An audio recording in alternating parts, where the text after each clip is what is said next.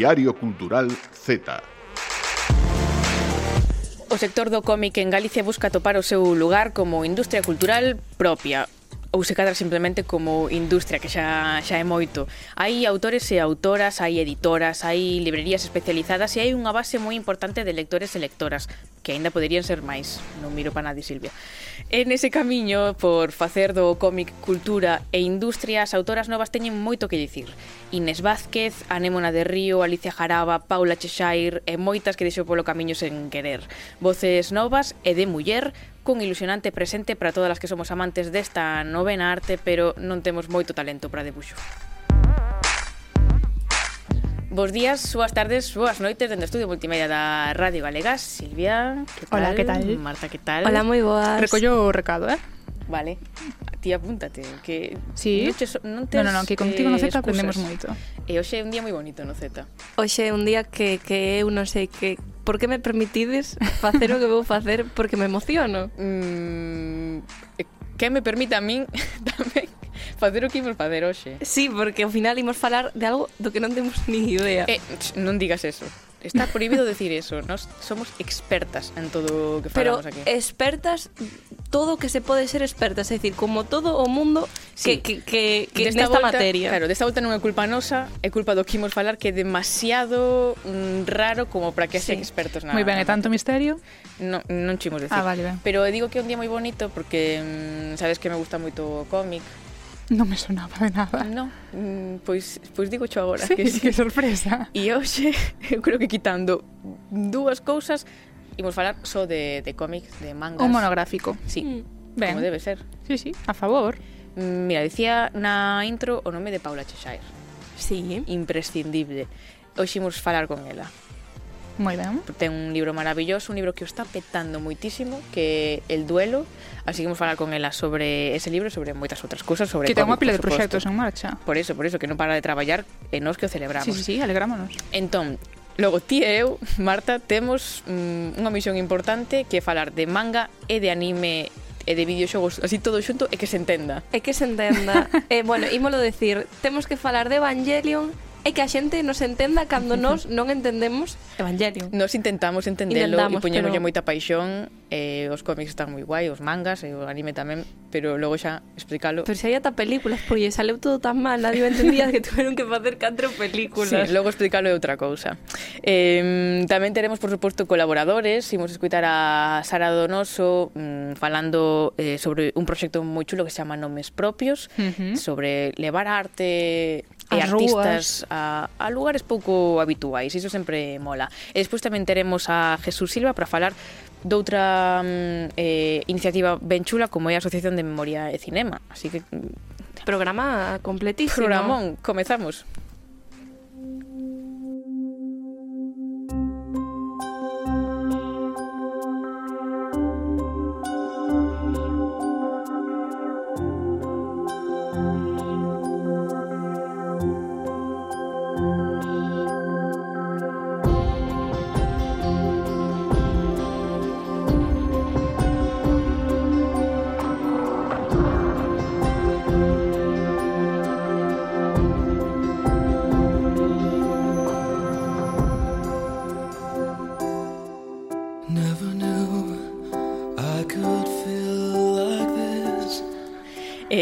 nese ilusionante presente pro cómic galego do que falábamos hai un nome que despunta por moitos motivos. O principal é porque fai un traballo chulísimo. Mm. Isto é información, non é opinión. Absolutamente. E ademais é que temos datos, mm, datos que apuntan a que ten moito talento, porque foi a mellor autora revelación no último Salón del Cómic de Valencia e tamén está de finalista na mesma categoría no Salón del Cómic de Barcelona, así que eso mm, xa de entrada pois eh, nos di que estamos falando dunha autora moi importante. Ela é Paula Cheshire.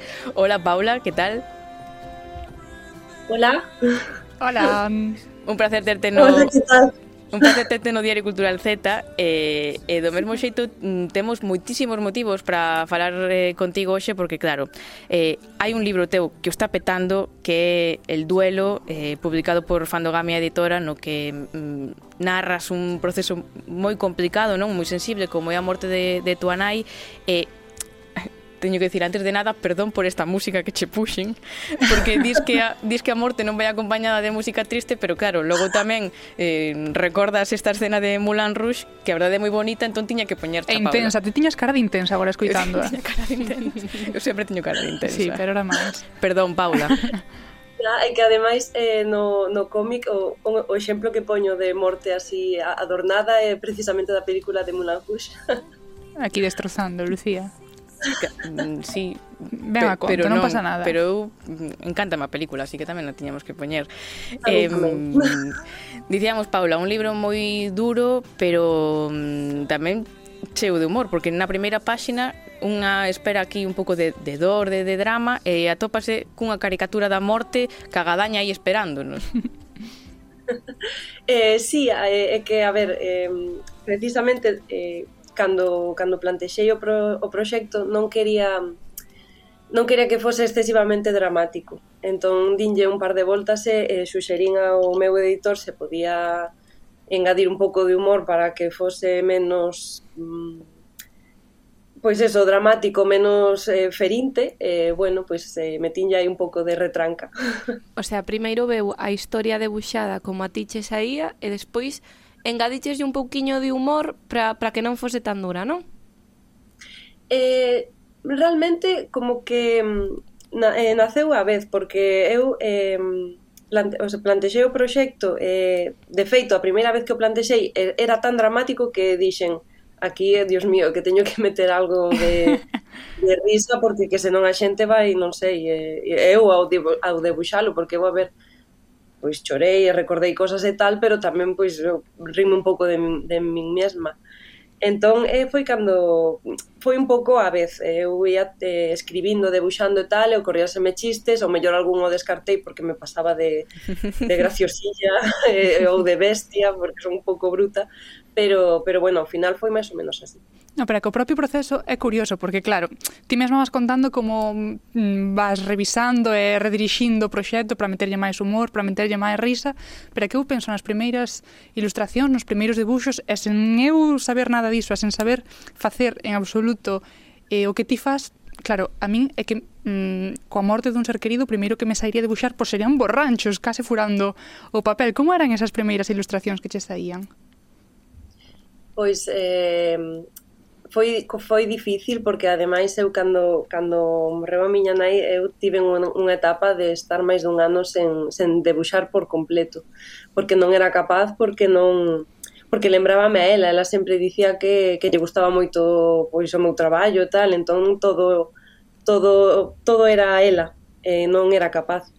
Pero bueno, co tempo pois non sei, fun eh, fun, fun curando ou non sei, e, eh, eh, e ao final pois puden darlle un pouco de forma. É certo que sí que no cómic ademais me poño, o sea, debuxo tamén eh, en, eh, borrones eh, eh, mm. como para expresar pois esa incertidumbre, rabia, non sei, un pouco de todo.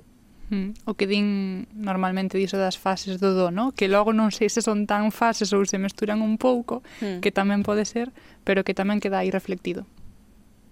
Sí, eh, de feito creo, bueno, polo que pasei eu, porque logo cada do é, eh, é diferente, cada mm. persoa é un mundo, claro. eh, pero no meu caso eh, o, as fases eh, ordenadas servironme realmente para estruturar o cómic, porque ti a hora de, de sentilo eh, non, non o sintes así tan, tan ordenado, é dicir, é un caos, é eh, un caos de sentimentos, eh, eh, basicamente utilicei no para, para esquematizar o, o cómic. Mm.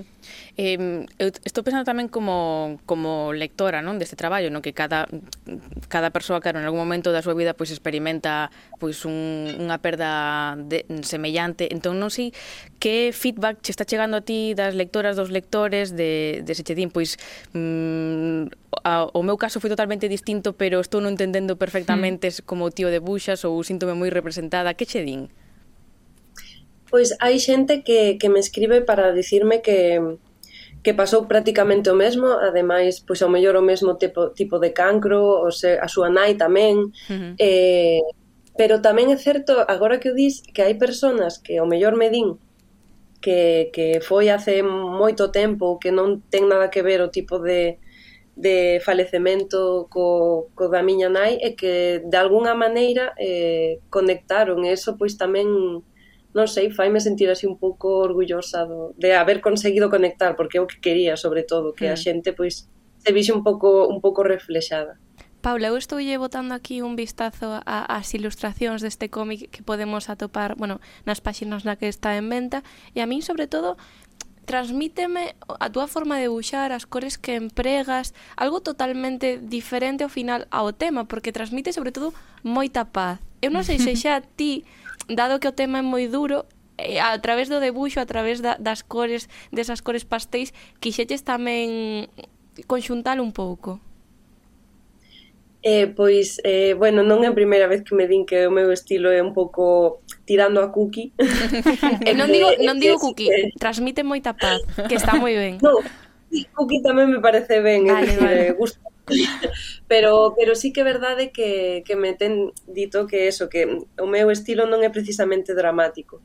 E creo que tamén eso eh, foi un dos motivos polos que ao final pois meti, meti, metille un pouco de, de gracia porque non é como que non non encaixaba se fose toda unha historia puramente dramática pero eh, vamos, a elección de cor foi eh, para resaltar outras cole, outras cores como como verde ou, ou vermello que, que aparecen tamén, pero menos, eh, para que se vexan ben, por eso utilicei pois esos, esas cores así tan pastéis, tan como tan apagadas, máis ou menos. Hmm.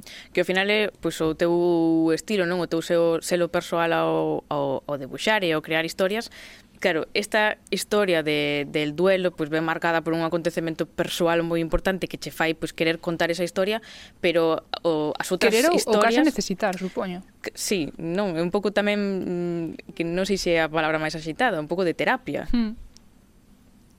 Eh, sí, a verdade é que, é que mm, é, é dicir, eu necesitaba sacalo de alguna maneira empecéi escribindo en un, nunha libreta e ao final pois, acabei, acabei facendo un cómic porque o que, o que me gusta é creo que é a, meno, a mellor maneira que teño para expresarme.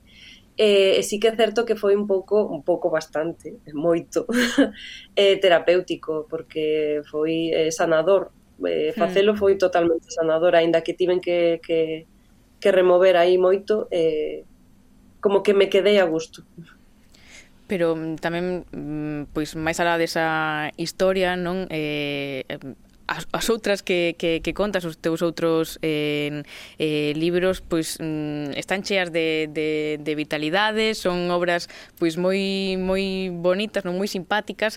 Esas son claro as historias que a ti che gusta contar non? Normalmente.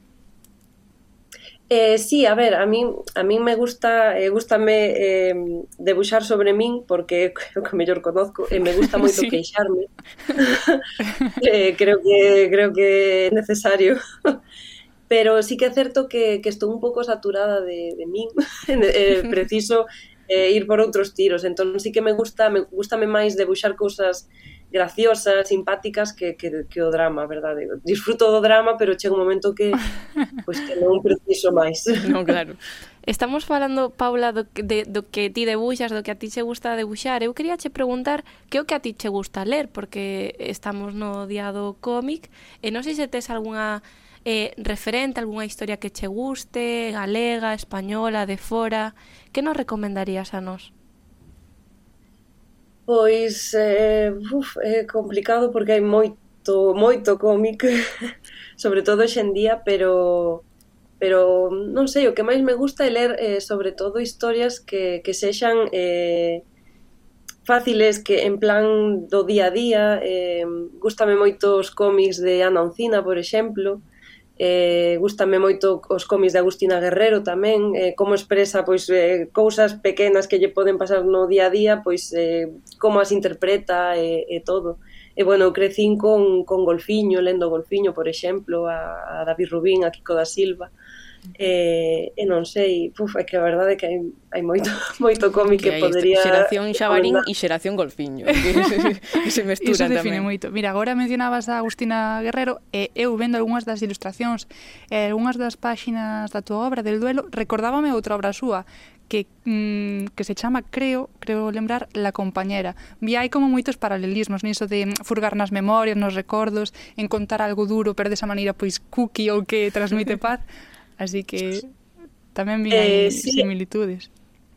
Sí, sí, é que ademais eu lembro que cando lín a compañera, la compañera estaba estaba traballando no do, o sea, no, en el duelo. Sí. E eh, e sí que vía cousas e dicía, "Jolín, pois en plan adelantouseme, pero en realidad non, porque porque cada unha traballa pois eh, ao seu ritmo. Pero sí que é certo que teño moita influencia dela porque gustame moito como é capaz de simplificar eh, os sentimentos e como expre os expresa e ademais eh, é capaz de facer detalle, o sea, de debuxar moito detalle cando é necesario, é dicir, controla moi ben a narrativa visual, está super guai. Mm -hmm. eh, non sei se si vai con, con, pois con, con, con iso que queres agora de afastarte un pouco de ti mesma, pero tamén nos gustaría falar das, das meigatas, non? Que é o que agora mesmo estás máis eh, enfocada neses mm, gat, gatas meigas, eh, estás houve un proxecto, non, unha fase de, de crowdfunding que saiu moi ben e agora estás pois enviando os libros ás casas, non? Eh, sí, eh, sí que sí que forma parte dese non, non falar de min e eh, irme por outros tiros, ademais E falar de gatas meigas, claro, que é bastante claro, fantasía, que, por suposto. É que xuntas dous cosas que máis me gustan, que son as meigas e as gatas, que encima son as miñas gatas. Ah. Entón, pois, Eh, nada, sí, sí que é certo que, que me axuda a desconectar un pouco de, de todo, todo o dramatismo e toda a tristeza que pode xenerar pues, el, el duelo. Este é un cómic eh, tonto, entre comillas, eh, eh para rir ou, ou non, pero polo menos dicir ai que, que, que cookies ou gatos facendo cousas de gatos, eh, pero con gorro de, de meiga, non sei. Entón sí que... E agora sí estou enviando, vou comezar a enviar eh, os cómics e teño moitas ganas de ver que lle parece a xente. Tes mm, moito traballo, iso sí. eh, entendo que, que, que che gusta, non? Estar eh, ocupada facendo moitas cousas que ademais de pues, nos proxectos de, de, de buxar e de, mm, de facer cómics en, en sí mesmos, tamén estás pois esta fin de semana en Vedra Gráfica, no festival neste primeiro festival de, de cómic de Pontevedra e tamén vas estar na Japan na Japan Weekend de, da Coruña, o sea, non paras.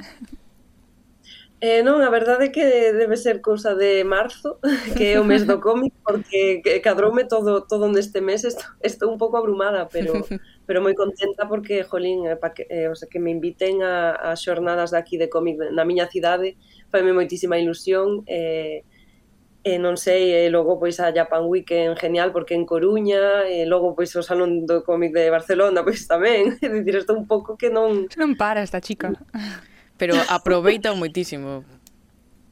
Sí, eh, intento, intento estar tranquila, eh, non tal, pero é, é difícil porque non estou, o sea, eh, eu traballo soa, estou todo o día soa eh, debuxando, traballo de, de, de debuxante de cómica e ilustrador é moi solitario, entón cando pasan estas cousas é como raro de xestionar, pero pero bueno, está moi ben. Claro, moi guai, pois mm, estamos desexando verte pois en todos estes lugares, en Pontevedra, na Coruña, e por suposto ler as meigatas.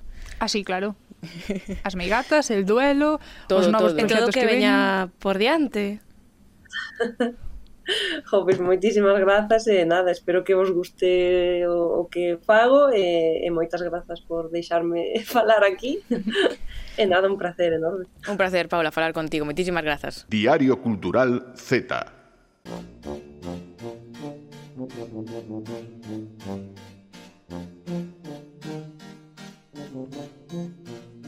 Thank you.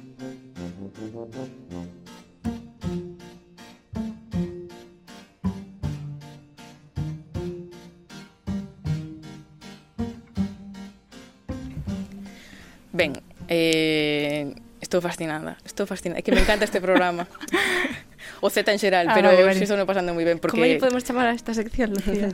Vamos a ver. Eh, a música esta de chun chun normalmente di que ven Lucía falar de libros, eh, de, de libros, os clásicos con Z, pero um, hoxe se cadra tiñamos que facer aí un remix entre a miña sintonía e a túa sintonía. Sí, vamos a falar de eh, eh, mangas Con Z. Mangas, por con favor. Z, animes con Z y videos. Videos. Ay, yo non sei falar. No, a ver, que voy a ser solo ao final. Sí, é verdad. Que, vamos, que xa vamos, queredes poñer cetas de máis. Vamos sí, simplificar as cousas. Eh, o caso, vou empezar eu. Fago, eh, tipo, interromperme cando queiras. E vale. ti, Silvia, tamén, eh? Vale, pero um, que escutarei vos... Que, sí. que non lías cómics e... E é mentira. E é mentira, que estás aí con la compañera, aí que estás creando... Aí Esa un... miña influencer do cómic. Claro, ahora que despois vamos a ir pasiño a pasiño. Primeiro cómic, sí. despois tal... Pero é que, antes de... Quería fama e a dormir, eh? pero... Pues, en fin. Totalmente, pero é o que che toca. Xa. Pero antes, no, Lucía, antes de falar, tes algo aquí que ensinar. Espérate, espérate. Ah, vale, vale. Porque vas de dar mm, tipas emoción, vale. Claro, Día do cómic. Falamos con Paula Cheshire, eu estaba aquí toda emocionada dicindo vou levar outro clásico cómic e dime Marta, a ver cando falas de mangas. E claro, queda todo grabado, entón eu agora mm, comprometíme a traer un manga. Eu tiña os meus mangas pensados. E claro. Marta dime, no, no, no, no, no, no, no. Porque, no, no, Lucía, no, no, no. vamos a ser... Non imos falar de mangas, no, no, no. Imos falar de Evangelion. No, Lucía, primeiro de todo, colleu e díxome vou falar deste manga e dousela de conta que dixo ah, no, se isto non é un manga, é un cómic europeo feito no, por un xaponés. No, reca, é, no. é Gino Taniguchi que fai mangas porque sí. Eh, lense do revés. Pero que pasa definición que... Definición de manga. Exacto. Eh, a miña definición de manga para que se le do revés. Sinto pero ofende, pero... é un estilo moi europeo. entonces dixen, a ver, para contentar máis a Marta, vamos falar de Evangelion. A ver, ou intentalo. Sí, a verdade é que a gente Evangelion Non sei por qué, porque eu creo que é o máis complicado Para meterche nun berenxenal, eu creo eh, Pois pues sí, vamos a ver, vamos a intentar explicar Evangelion E que ademais Isto é complicado porque eh, hai unha che de volumes e cada volume supera os 15 millóns de vendas no mundo E claro, hai un fandom tan tan grande tan e tan fiel, tan fiel da, mm. da obra que me dá moito respecto falar de falar disto, pero ímolo intentar. A ver, por onde comezamos? Se queda sin palabras, ver, normal, que, eu entendo. No, no, pero que é normal que Lucía se quede sin palabras porque eu creo que cada persona que lee ou ve o anime Vaise a cabeza, É que eh? primeiro, non... mira, mm. Evangelion naceu como anime, como proxecto audiovisual para facer unha serie. Sí. Pero que incluso eh, dixeron, pois pues vamos facer un manga, que así vendemos máis, creamos un público máis fiel, e en Xapón acabouse publicando antes o manga que estreando a serie. Sí. Que era primeiro, que xa Sí, o sea, Caos. Eh, iban facer a serie e dixeron para promocionar, imos sacar un manga, sacaron o primeiro volumen ou uns cantos, saiu a serie e pararon despois volveron a sacalo. Hmm. Entonces, o manga construese no medio da serie, como un sándwich, sabes? Curiosa o sea, no estrategia. Medio, claro, claro, mellor. Por qué? espera, que, que lle estou roubando a sección Lucía, só quero decir no, no, que é que mellor, arriba, Marta. porque ti así tes dúas historias que disfrutar, porque o ma, tanto o manga como o anime difiren en moitas cousas. Eles viron que había cousas mal contadas no anime, que tiveron que facer catro películas, como xa dixen, para arreglalas, e no manga iso non sucede, no manga está todo mellor estructuradiño, merece a pena vale. lelo. Pois pues, imos intentar contar a historia de, de Evangelion, pero primeiro poñemos a música. Da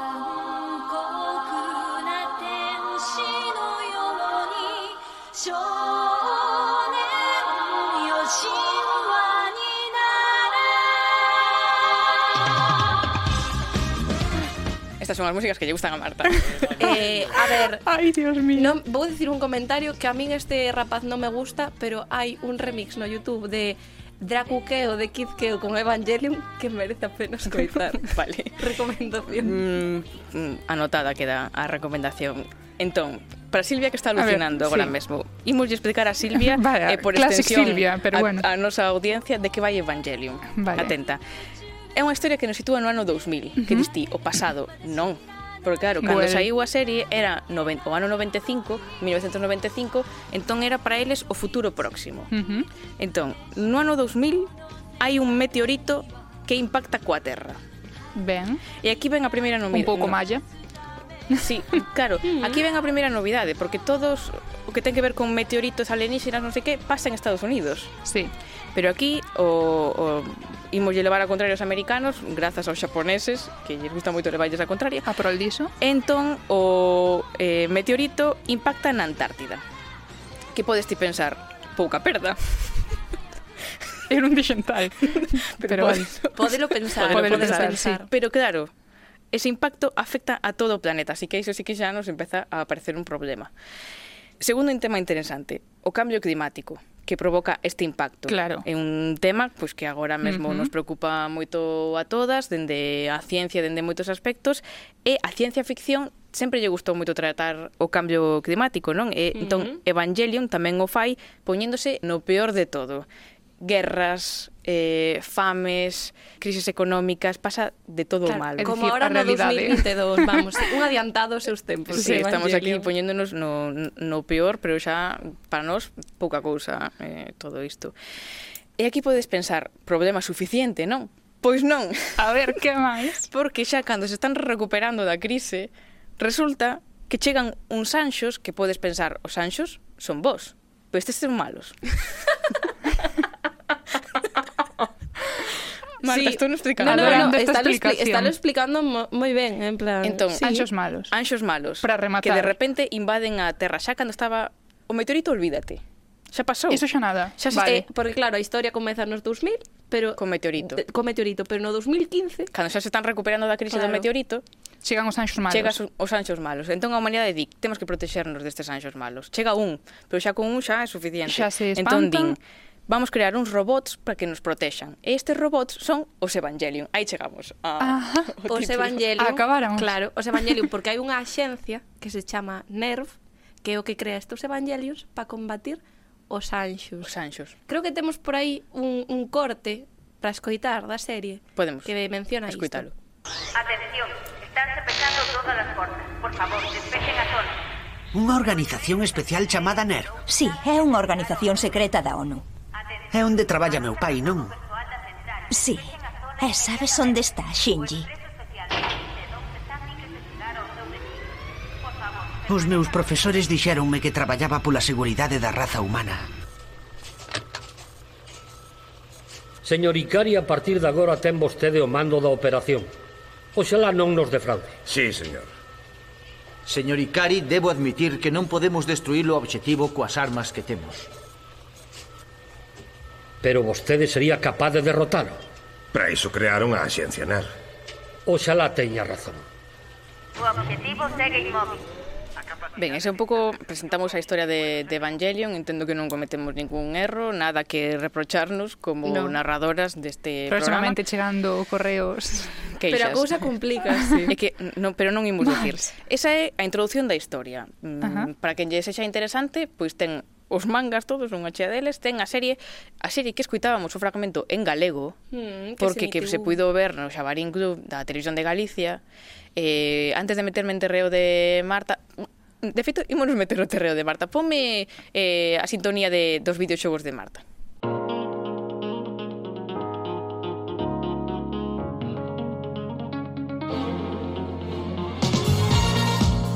Eh, Facemos así unha transición. Hola Marta, que tal, como estás? Hai un protocolo. Mira, porque que co tema este dos robots, Eu atopei varias relacións con un par de videoxogos que me gustan sí. moito, entón xa chos meto agora e logo xa te deixo a ti Pero falar. Pero non dixemos algo de Evangelio moi importante, que era o complicado, a cousa complica No, que complicado non o quero. referencias bíblicas, porque que... Evangelion vai sobre a Biblia. E que vai sí, sobre a Biblia. Son Evangelion, un xa, Eva. Eh, claro. uns xaponeses falando sí. sobre a Biblia. Claro. Eh, é os anxos e todo. Entonces, Ca bueno, sí. non nos vamos meter. No, é que además en, re, eu en religións non me quero meter. Referencias Mira, de videoxogos. Referencias de videoxogos. Gran referente para min Zelda sí. e en Zelda Breath of the Wild, no último que hai na, na Nintendo Switch, pois ante a ameaza de, de Ganon, que é o personaxe malo de Zelda para Grazas por mirarme neste momento. Pois crean primeiro a figura dos guardiáns, que son como mm. unha especie de robots protectores e tamén teñen as catro bestias divinas que manexan os catro elexidos. Entón aí recordoume un pouco pois a estes sí. tres adolescentes que manexan os tres evangelios. Sí, ten, ten, ten un aire, o sea, vale. sí, sí, sí, sí. Sí, eh, eh, sí por suposto. Vale. O que diga Marta, a misa. E segunda relación, o videoxogo Horizon. No primeiro hai dous. No primeiro xogo eh, Zero Dawn, moito inglés para min, eh, contasenos a historia dunha humanidade moi desenvolvida que crea pois unha rede de máquinas de inteligencia artificial aí supercomplexa que traballan ao servizo das persoas E hai tamén como un cataclismo no que de repente a humanidade volve como o ano cero, o sea, a época de das sociedades tribais, pero as máquinas siguen aí.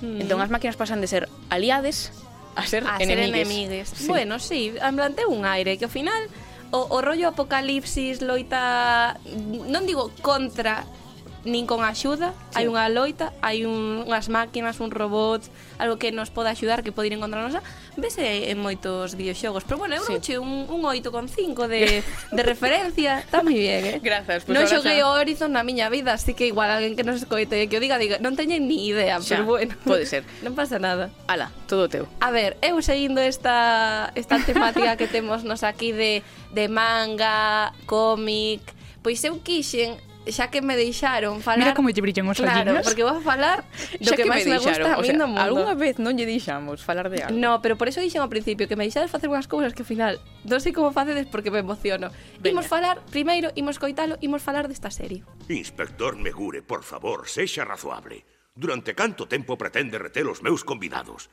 Nego maturar ningún minuto máis esta investigación sen sentido. Por favor, acougue. Comprendo a súa impaciencia, pero sexa indulxente comigo. Ao cabo, a vítima, o señor Yamasaki, o presidente do banco Yasubichi, era un dos seus convidados. Non estará insinuando que o criminal se encontra nesta casa. En efecto. Eh. A porta estaba pechada desde o interior. Polo tanto, o criminal entrou e saiu pola ventá do cuarto que está situado no terceiro andar. Non Antes de nada, como molaban estas dobraxes. A que sí, eran, eran increíbles, eh? pero sabedes, en plan, que, por os, ese os audio, de punta. sabedes de que imos falar, non? Mm, ya que eu creo que era a miña serie Fab do Xabarín Ai, sí, que creo aquí sí. ilusión. Non sí, era a miña Fab, pero estaba de segundo por aí, eh? Sí, A ver, entonces presenta o ti, Silvia, a ver. Do Detective Conan, Do Detective por Conan. É que estábamos escoitando o protagonista aí, a, a Shinichi Kudo, que é o protagonista do Detective Conan. É a serie que máis me gusta a min. Aquí hai un criterio de sergo impresionante. Podríamos falar de Dragon Ball. Sí, Dragon Ball non me gusta tanto. A miña favorita é Gato Khan. Gato Khan, pero Gato Khan non entra porque queríamos falar... De mangas e de, de animes. E dunha serie da galega que tivese un, un manga para falar sí. no día do cómic e que ademais pudésemos eh, fiar cos videoxogos porque tamén ten videoxogos. Eu non sei se gato canten algún, pero bueno, podemos miralo. Debería. Claro. Unha vez escoitado a intro, imos, imos presentar esta serie, este anime, estas películas, para que non o sepa. Detective Conan é a historia de Shinichi Kudo, que é un rapaz que ten 17 anos, que ten unha nai famosa por ser actriz, un pai que escribe novelas negras, en donde se, na súa casa, pois recibiu unha educación que lle dou pé a querer ser detective pero non xogando, non de broma. El vai a cada lado polo que vai, e vai e resolve un asesinato. Por qué? Porque é como a parca. Cada sitio no que vai, cada sitio que morre alguén. El non é o asesino. Encontrase cada vas mm. un día a, ao super a facer a compra, bueno, pois pues vai sin Ichikudo e aí morre alguén. Pode ser que falte un capítulo final, no que se descubra que a culpa toda era del. Podría ser, pero pero no, pero no, porque vale. el non mata a nadie. El, o único que pasa é que un día vai a un parque de atraccións ca súa amiga Ran, ou máis que amiga, eso non se sabe, Por que te ríes? Porque me fai gracia. Vale, máis que amiga. Entonces vai detrás, como el ten este afán de ser superheroe, de estar metido en todos los araos, vai detrás duns homes de traxe negro e, e descubren que están facendo algunha ilegalidade. E eles din, ah, estás aquí, danlle unha pílula pequeniña e o chaval desmayase. E cando se desperta, encolleu e ten 10 anos menos, ten 7. Fantasía. Esta é a trama de Detective Conan e polo medio hai moitísimas, moitísimas cousas máis en todo, porque ten, mira, atendede, ten 104 libros, dos cales me leín todos. bo día. Ten 177 Cando capítulos. todos son todos. Todos son todos, en dous vale. anos. Disfrútase, porque a trama como que se vai complicando. Ao final acaban falando da, da, da inmortalidade, ten, é como, ao final acaba sendo como Evangelion, ten cousas máis oscuras por dentro que costa interpretar. A día de hoxe non está concluído aínda, eh? Dime, Lucía. É que o Zelda tamén ten a parte de adulto e de neno. a ver, sí. Pero nada, no, desarrolla, quería, no, desarrolla. No, no, só quería dicir iso. Bueno, pois pues nada. pois pues eso, convertese en un rapaz de, de sete anos, eh, aí ten que averiguar quenes son os homes de negro, que lle fixeron iso, e aparecen, bueno, pois, pois diferentes casos, diferentes personaxes, a veces é o propio eh, Conan Edogawa eh, quen resolve esos casos, outras veces eh, outro amigo que el ten doutra prefectura, son outros detectives, e así todo tecese esta, esta serie E para seguir comentando e enfiando ahora que sí que sí cos videoxogos, imos escoitar a súa música. O Detective Conan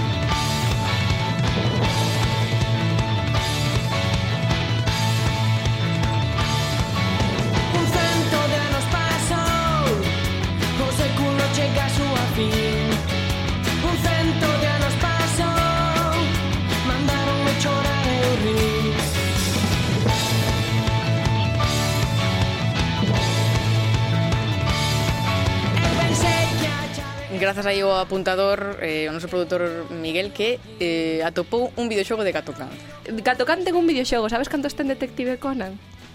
26. É que, claro, vas a competencia oh. e así non claro, compita. 26. Pero como non van a ter 26 se ten, como dixen, 104 libros, casi 1100 capítulos de, de anime. 24 películas hai unha 25 en camiño. Home, pois a parte tiñan que ir os videoxogos, non. Mira, 26 xogos. Non vos vou decir os nomes de toda Porque ao final eh, eh, non acabo ni mañán Pero están para Game Boy, para Playstation, para PSP Para Nintendo DS, para Nintendo 3DS Lite Para todas as Nintendos que houve pero no que teñas na casa claro, e eh, pro que non vai Para o móvil E tamén. agora tamén para a Switch, que sabedes que é unha consola que a mí me gusta moito e tal, uh -huh. e de que van estos xogos? Bueno, pois siguen a dinámica da serie, que é resolver asasinatos e, e a veces este da Switch, por exemplo, vai de correr, tes que person, eh, tes que perseguir a un ladrón que se chama eh, Kaito Kid, que tamén aparece uh -huh. na serie. Así que nada, quero vos ver ou lendo, ou xogando, ou vendo. No, é que non nos haches outra alternativa pero oe, eu sempre a favor de recuperar o Xabarín Club ou de recuperar o a revista Golfiño, como nos dicía Paula, sempre a, a favor da nostalgia. Infancia, vamos. Grazas, Marta. Diario Cultural Z.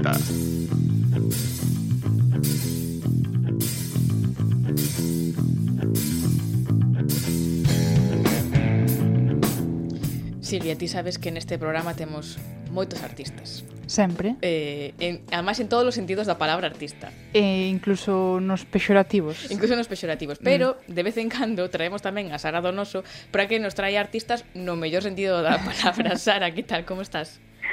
Hola, que tal? Que iso do sentido pexorativo? Que non me enteré, eh? Moito artista... Nada, nada, isto... Cousas que se din. Claro, é que depende de como pronuncias a palabra artista. Claro, eh, a entonación é importante neste sí, sí. caso. Así que hoxe, Sara, falamos dun artista que convoca moitas artistas. Contanos un pouco, porque mm, temos aquí mm, concentración de artistas. Sí, sí, sí, ademais seguimos con proxectos xurridos da Facultade de Belas Artes que vos contaba que hai moito fervedoiro agora por ali, pero bueno, desta vez son propostas que continuaron a súa andaina máis alá das aulas, o cal tamén é unha boa nova, É un proxecto que se chama Nomes Propios, que está autosestionado e foi iniciado no 2021 por Cora Novoa Pérez e Sergio Martínez Martínez. E parte tamén da asignatura de xestión de Buxán, que como vedes, bueno, esta asignatura dá para moito, verdade? eh, en este caso que buscaban era encher as vilas galegas da arte máis nova, eh, darlle voz, visibilizala fora dos espazos museísticos, dos espazos habituais, a través de pósters e de cartaces na rúa. E, bueno, este ano decidiron retomar o proxecto lanzando unha convocatoria que estará aberta eh, a todo 19 de maio, así como resumo rápido, digamos. Hmm pois para mm, afundar un pouco máis en nomes propios, temos xa aquí a unha das súas eh, promotoras que Cora Novoa. Hola, Cora.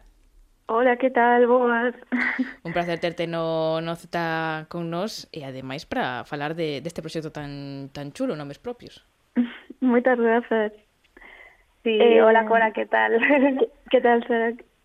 Bueno, pois nada, súmome a benvida de Lucía eh, e, e xa está, contanos en que consistiu, en que consistiu esa primeira experiencia con nomes propios, como nace o proxecto, non? E mm. como se vai materializando. Pois este proxecto nace de xeito autoxestionado, como comentabas, na asignatura de cuarto de carreira de xestión, eh, que fixen xunto co meu compañeiro Sergio e, bueno, pois xurdiu un xeito pois orgánico, non debido ás propias circunstancias precarias como artistas emerxentes eh, nun sitio como a Galiza que, bueno, eh, os espazos institucionalizados existentes están bastante competidos e, bueno, tamén ás veces monopolizados a moitos niveis entre leso xeracional, polo que decidimos, bueno, eh, xerarnos un espazo para, por e para artistas emerxentes eh, vinculados a Galiza. Mm, e en canto a materialización, pois tivo moi boa acollida, participaron un conxunto de 64 artistas na primeira edición, e mm, eh, repartíronse os cartaces en, en creo que foron 13 cidades galegas coa axuda delas que cada unha os levou aos seus sitios de orixe e nos axudaron a, a colocalos e, e mm, nada, pois eh, a exposición se realiza en tres mm, soportes, por dicirlo así, eh, que son os cartaces que logo se traducen en postais en, nun catálogo e na, no virtual, na rede, ¿no? no mm. Instagram. Uh -huh. Que maravilla. Bueno, tamén mm. quería uh -huh. comentar isto que dicías ao principio, non? Da dificultade sobre todo da xente nova uh -huh. pois de acceder a determinados espazos pois que se poden considerar máis, máis legitimados ou polo menos eh, institucionais e eh, que tamén moita xente da vosa xeración pois optades por buscar espazos que non son propiamente expositivos por unha banda o falábamos tamén co colectivo Alquitrán, de feito, non? Por unha banda ten que ver con esa dificultade de contar con apoios, pero penso que tamén hai moitas ganas de buscar outras formas de ampliar os públicos e, non sei, de democratizar un pouco máis a, a arte. Quería preguntarche Se esa tamén foi a vosa idea dende o principio, non? E como foi a acollida nas rúas? Sí, eh, en canto a, a mm, apropiación do espazo público, entendemos que non existe unha dicotomía tal como arte-vida, por dicirlo así, que xa se plantexaba pois dende o movimento Fluxus, non? E que, polo tanto, a rúa, non? O espazo público nos parece axeitado eh, como aterreo pois transversal e comunitario, non, para para ter como un tecido ou un diálogo colectivo e, bueno, efémero tamén. En canto a acollida, pois eh, moi ben, o sea, ao final efémero como comento porque acabaron quitándose, pondo outros por río, non, pero pero foi foi un, un espazo, non sei, moi benvido, creo. A mí gusta Mm, arrancalos. Con, con respecto, eh, para levar para a miña casa, digo, iso? cando me gustan, gustanme leválos para casa. Pero logo están en formato postal. Xa, tamén é verdad, pero que non eso, ese, esa nostalgia de levalo póster, eu que sei, a min gustame. Sí, levas para casa xente non pode miralos. Pero primeiro deixo pasar un tempo que a, xente, que a xente o mire moito e logo xa gardo. Exacto. Que non se perda. está tamén esta cousa de misterio, non? De, de, bueno, pois iso é efémero, entón de repente un día estás a pasear, preguntas que pode ser, tal, o seguinte día non o miras, pero bueno, quedache un pouco a cousa na cabeza que tamén é unha forma pois de achegar a arte a, a un público que non ten por que ter un interese eh, a priori nestas cousas. Despois tamén Non só quero falar das cousas que funcionan, que houbo moitas e haberá máis seguro, pero tamén das dificultades, non? Desas pedras que se atopan polo camiño e que nos axudan a crecer como profesionais. Entón, bueno, comentabas que foi un proxecto autoxestionado, falemos de pasta, non? eh, co esforzo económico que iso supón, e non sei se intentaxe buscar financiación. Sí, eh, máis que na área de xestión ou temas organizativos, a dificultade maior atopámola neste terreo económico, dende logo. Eh, na actualidade, de feito, estamos eh, no proceso de, de búsqueda de financiación para poder expandir e difundir o, o proxecto, non? Eh, de feito, se si algún receptor se anima a colaborar e benvido, pode contactar coa conta de nomes propios directamente. Y, Bizum, y, sí. Por dicilo que non quede, eh? Sí, o sea, eh, anteriormente puxeron, o sea, contamos cun pequeno donativo de cada participante, de xeito, bueno, si querían o, o eh, catálogo, porque é o máis caro, non? pero pero si sí, puxémolo un pouco do noso bolsillo e agora estamos eh, nese proceso de, de búsqueda non para poder eh, expandilo. Mm. Sí, para que se faga esa nova edición, pois pues, eh, eh, son precisos os apoios, por iso falaba un pouco disto. Contanos mm. tamén cales son os plans de futuro para nomes propios. Pois, bueno, plan de futuro, eh, pois eh, expandir, como dicía, seguir adiante co proxecto en novas edicións e de xeito anual, eh, para as novas artistas ter este espazo, tecer redes de apoio e introducir pois melloras a nivel cualitativo e, e cuantitativo, non? E que sexan benvidas neste soporte pois máis simple con con toda liberdade de, de ocupación ou intervención neste neste soporte, non? Mm.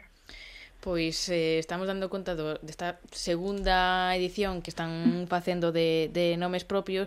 Estábamos aquí mirando no Instagram Correcto. agora mesmo sí. para mirar un pouco e Silvia xa ten a súa parte favorita do, do proxecto. Home, que eu entrei aquí na conta de nomes propios e fuxime a mm. mirar as stories que están aí ancoradas e vin un canciño lambendo o catálogo. Vai ben bendecido, a eh, ver, o catálogo. Mm. Iba a ser a miña publicación favorita, estaba claro. Non sabemos eh, cora si o catálogo desta segunda edición mm, vai ir tamén bendecido polo can. Sí. Home, que senón xa, no, nada. Xa podemos avanzar, que sí. Cora, moitísimas grazas por, por achegarte ata o Z, de verdade que teñades moita sorte con este proxecto de, de nomes propios a xente que poña cartos, que isto fai falta cartos. A min gustaríame que aparecese algún cartel destes en Castroverde ali, eu que sei, pois nun muro do concello, sí, onda... Sí, claro, que chegue tamén a, a as aldeas, ás no? zonas máis, mm, Correcto. máis máis pequeniñas, claro, claro. Iso é outra cousa eh, interesante do proxecto, non? Que aparte de de facer unha selección de obras, de, de estar aberto pois o, o digamos o proxecto a que a xente se presente coa súa obra, tamén está desabertos a que se fagan propostas precisamente do lugar mm. onde será realizado. Aí. Moi ben. Sí, sí, deixámolo aberto tamén. Exacto, tamén é, eh, é eh, un compañeiro ano pasado cortou o cadrado blanco, non, onde pode intervir e tal, e eh, expuxo no propio muro, Ricardo le chamase. Eh. Así que sí, eh, o que queremos é deixar a máxima liberdade posible. Un cartel na torre do homenaxe de Castro Verde. Ui, vexo, eh? non estaba mal, eh? Cora, moitísimas grazas. Moitas grazas a vos. E Sara, moitísimas grazas a ti tamén, como sempre. A vos, como sempre tamén, na aperta.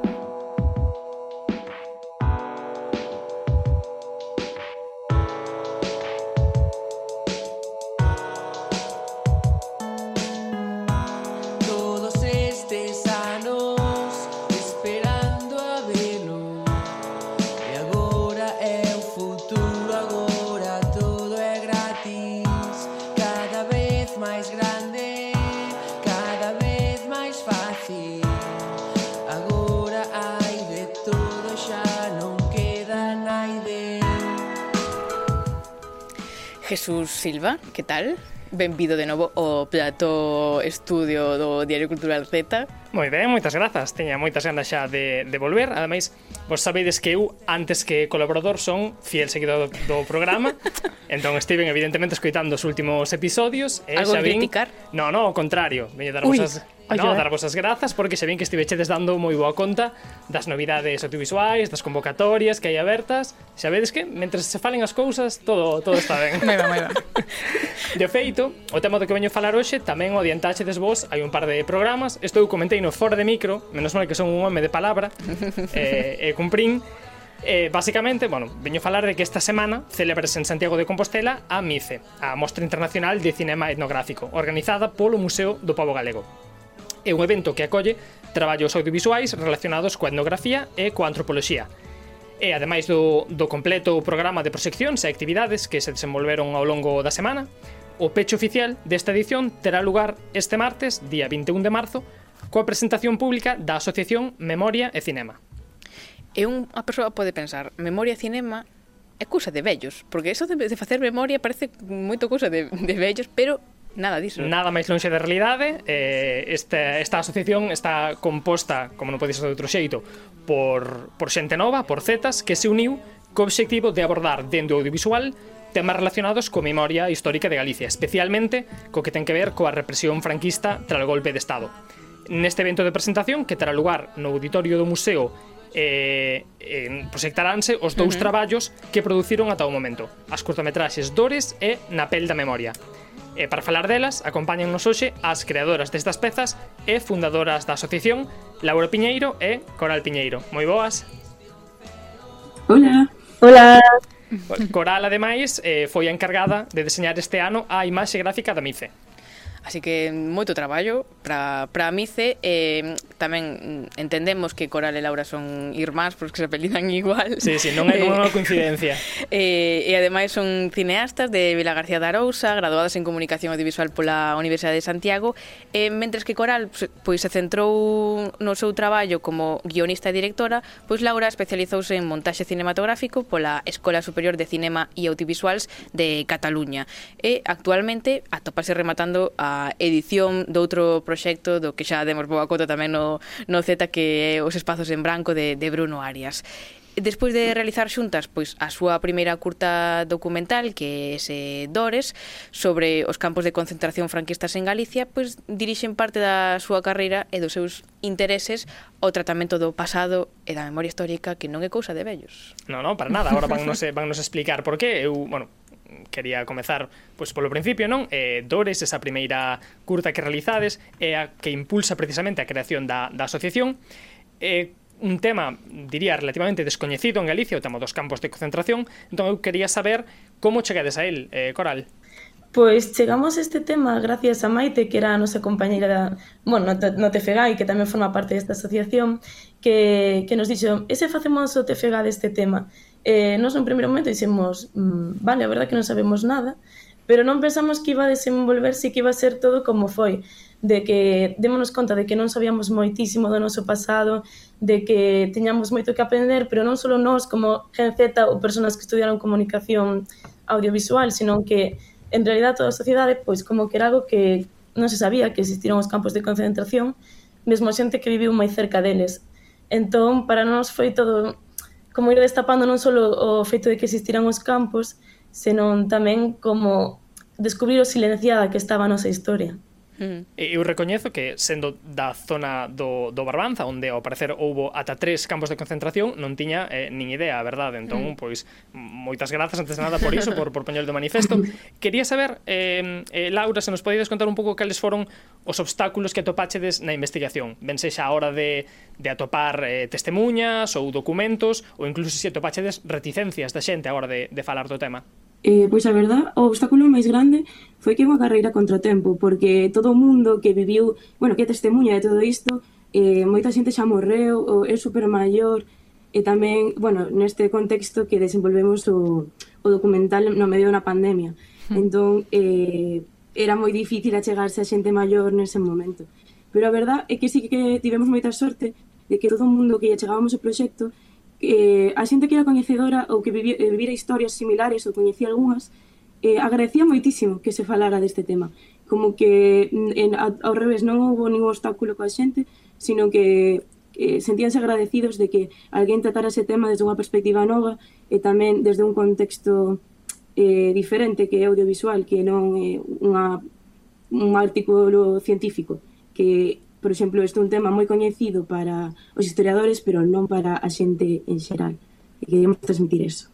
Claro, como dis, é, é moi difícil a día de hoxe atopar eh, igual testemunhas directas de, destes feitos, pero o que se fixechedes foi poñervos en contacto con familiares e descendentes eh, de xente que protagonizou pois, eventos eh, dramáticos. Facedes algo moi interesante eh, en Dores no documental que é establecer un diálogo entre familiares de vítimas e vitimarios. Eu quería saber como foi para vos eh, esa experiencia.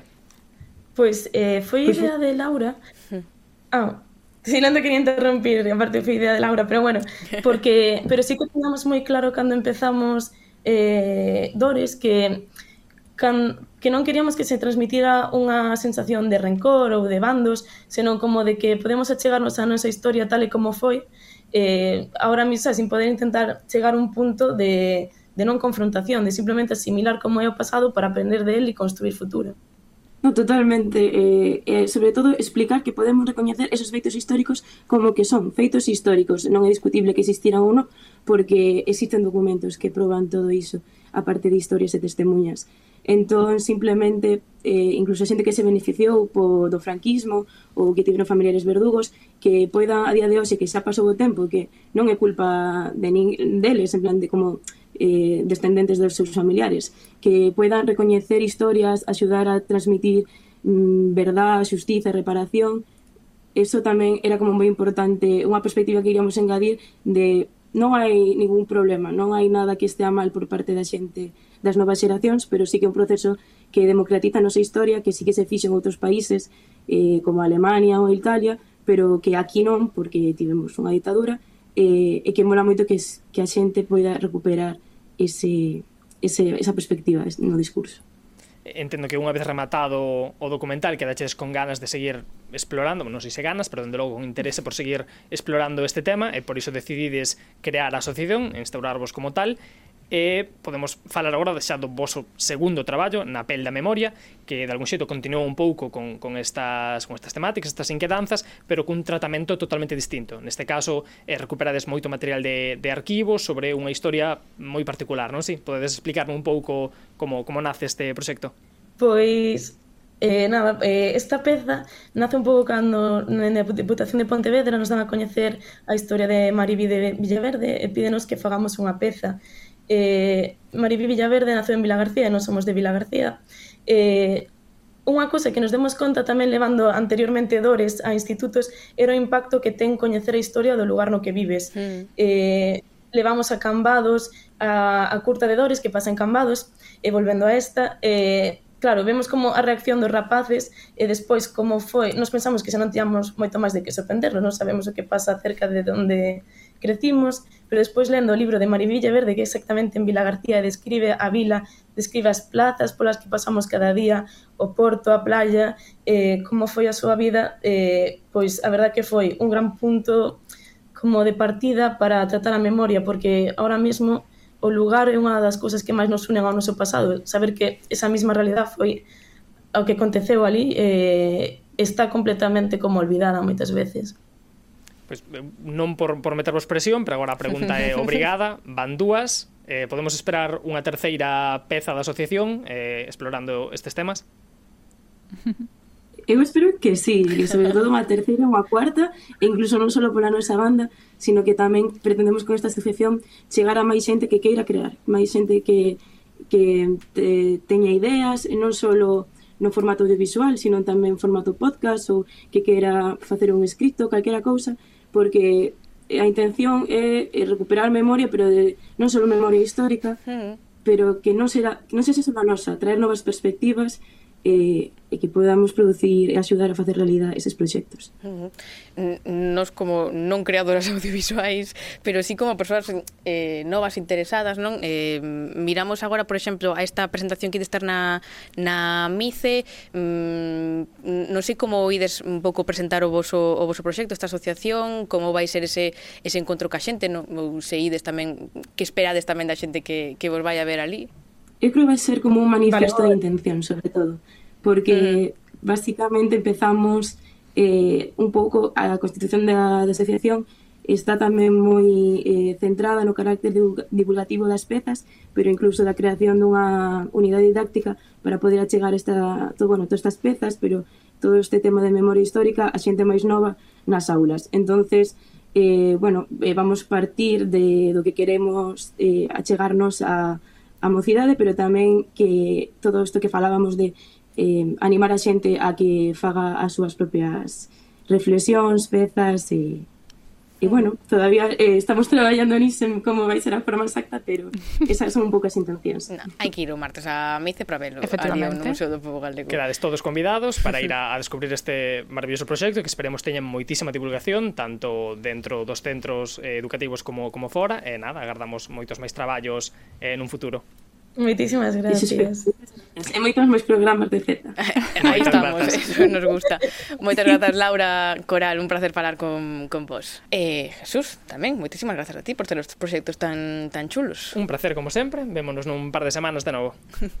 Así imos chegando ao final deste Z. Imos rematar con outra cosa ben, ben chula, porque nos queda aínda unha pequena sorpresa. Moi boas, pois non somos fillas de Casandra. Estamos encantadas de estar aquí no Diario Cultural Z E nada, pois unha das nosas protagonistas é Pandora. Concebida pola historia como unha mala muller por ser curiosa.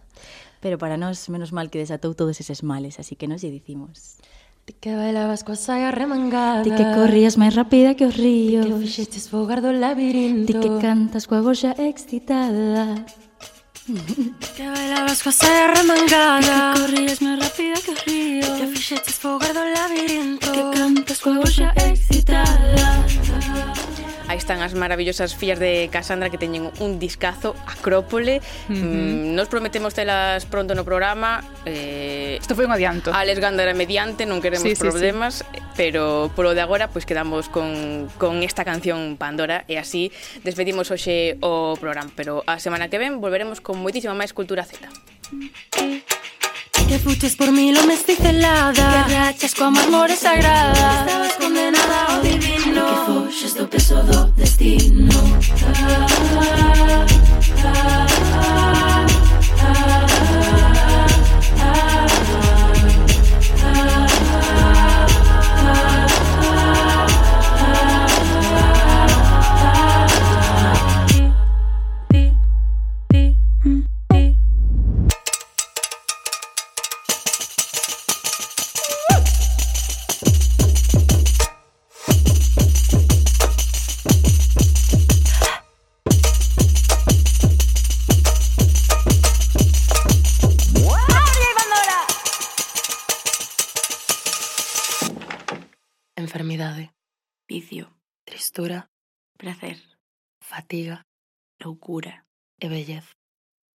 Sete son os males. Sete os nomes de muller.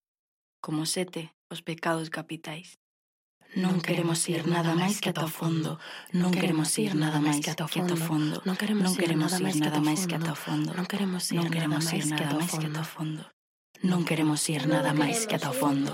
Nada máis. O teu foi para min un nome sen medo.